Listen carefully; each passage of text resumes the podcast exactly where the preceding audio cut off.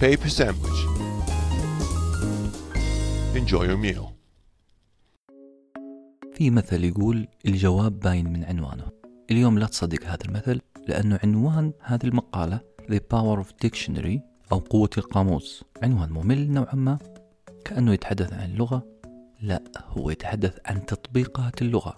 وكيف تمارس اللغة أحيانا نوع من الظلم لفئة معينة في المجتمع. نخش في الموضوع. أحيانا تحس أن الشخص اللي قدامك متحامل عليك في الكلام ولما يسألك أثبت لي أني متحامل عليك؟ راح تسكت ولا تقدر تثبت كيف هو متحامل عليك. يجيك إحساس وبسبب كلمات استخدمها هؤلاء الأشخاص في حياتك إن محتوى كلامهم فيه تجني عليك فيه عدم تفهم لموقفك فيه ظلم وتعدي وتحامل لكن للأسف لا تستطيع إثبات حجتك. الخبر السيء هنا إنك غلط تتهم غيرك وإنت ما تقدر تثبت اتهاماتك. ستتهم أنت شخصيا بأنك دراما كوين لكن الخبر الجيد إني مصدقك. قد يكون فعلا داخل وبين أسطر كلام صديقك تهجم عليك لكنه تهجم غير واضح. قد يكون صديقك ذكي لغويا وقادر على استخدام مفردات وصياغة جمل بطريقة فيها دهاء كبير. لم تستطع أن تصيد منها ما يعكر صفوك ويحسسك بالظلم. ولهذا اخترع لنا العلماء اللغويين الاجتماعيين أداة اسمها Critical Discourse Analysis أو التحليل النقدي للخطاب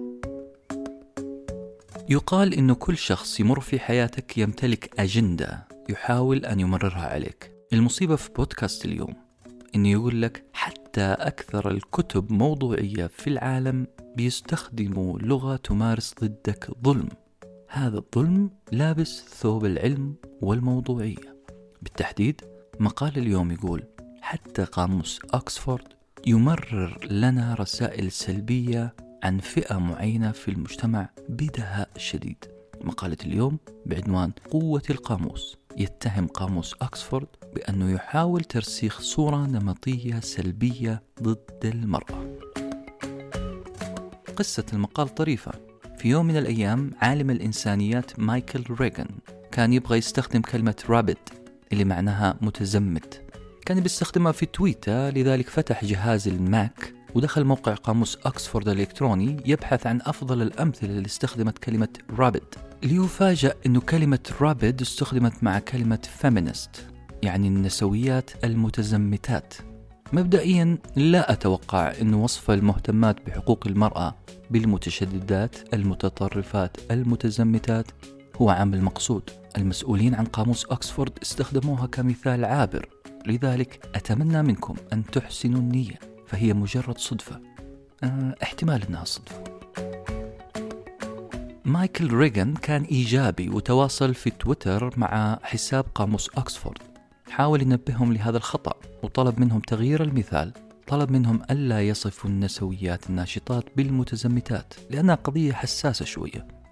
ردة فعل حساب أكسفورد كانت صاعقة ساخرة وجريئة.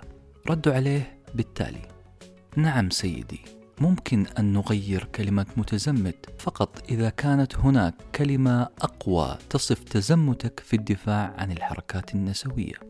لو كنت مكان ريغان كان قلت في نفسي هذا إعلان حرب لا مجال للصدف بعد الآن لكني أحب أحسن نية في الجميع ولا زلت أحسن النية في أكسفورد ومنسوبية. ريغان حقد فعلا وبدأ بحث سريع في القاموس على أمثلة مشابهة ليجد أن قاموس أكسفورد كرس حصة كبيرة من الأمثلة والجمل لمحاربة الناشطات والحقوقيات. ليس فقط الناشطات والحقوقيات بل المرأة شخصيا. على سبيل المثال كلمة شريل واللي معناها الصوت الحاد العالي والمزعج استخدمها القاموس برضو مع النسويات. فكان المثال التالي الأصوات النسوية المخترقة لطبلة الإذن. كلمة ناجينج هي الأخرى واللي معناها متذمر أو متشكي أو تعبير محلي متحلطم. ارتبطت في القاموس بكلمة زوجة. أما كلمة جريتينج اللي بمعنى صرير لم يستخدم معها إلا ضمير الملكية الأنثوي حيث كان المثال صرير صوتها كان متعال.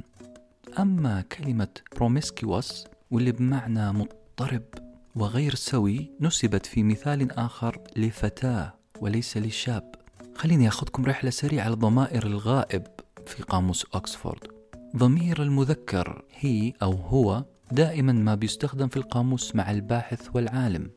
أما الضمير الأنثوي فهو ارتبط بوظائف تمريض وأعمال المنزل.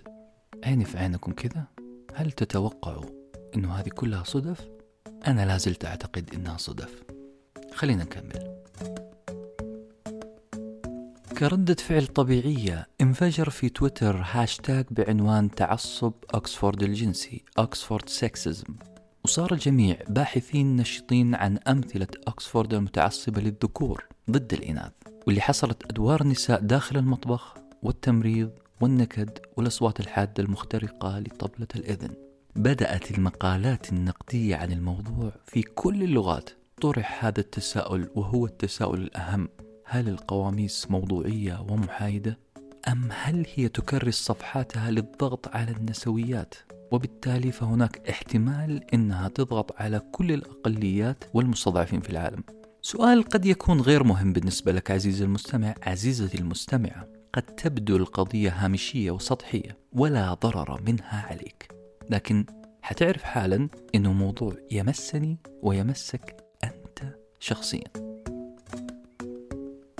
إحنا نعيش في عالم مليء بالصور والأحداث والتجارب نصف تجاربنا عن طريق الكلمات مشكلة الكلمات إنها لا تبقى ثابتة. الكلمات changeable and dynamic.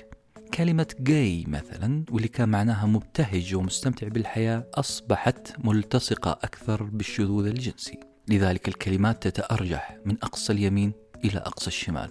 تتحول كلمة جميلة وبريئة مثلا إلى أبشع ما يكون فقط بتكرارها على الإذن في سياق سيء. القاموس قد يوفر لك هذا السياق السيء. قد يحول لك كلمة بريئة إلى غول مخيف. فقط بتكرار استخدام الكلمة في سياق مظلم. فكر معي شوية عن عرقك مذهبك جنسك لغتك. كيف يصبح معنى هذه الأشياء لو تكررت في سياق سيء؟ نجي لزبدة المقال.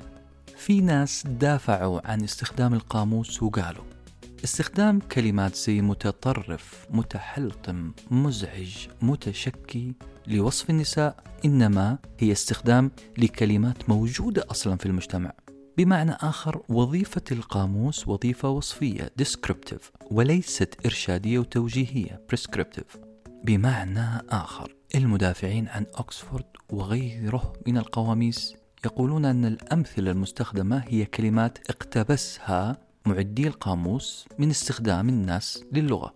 فإذا كنتم ترون أمثلة أكسفورد متعصبة ضد المرأة فذلك لأن لغة المجتمع ككل هي لغة متعصبة ضد المرأة. كورنر مارتن المسؤولة الأولى عن منشورات جامعة أكسفورد تقول إن قاموس أكسفورد والذي يضم بين جلدتيه خمسة ونصف مليون كلمة هو كتاب وصفي وليس مطوية دعوية وإرشادية. الخطير والخطير جدا.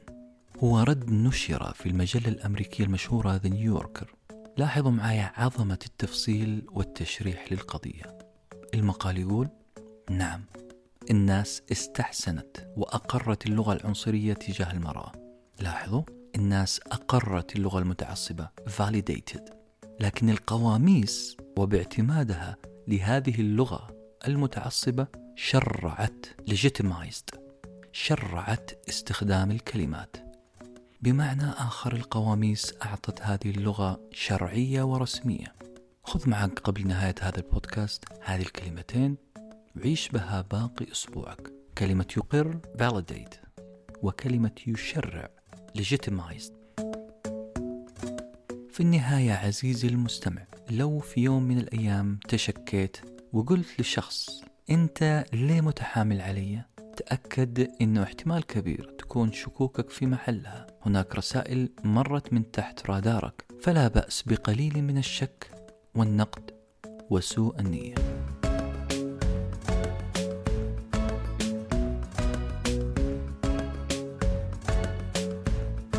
Paper sandwich. Enjoy your meal.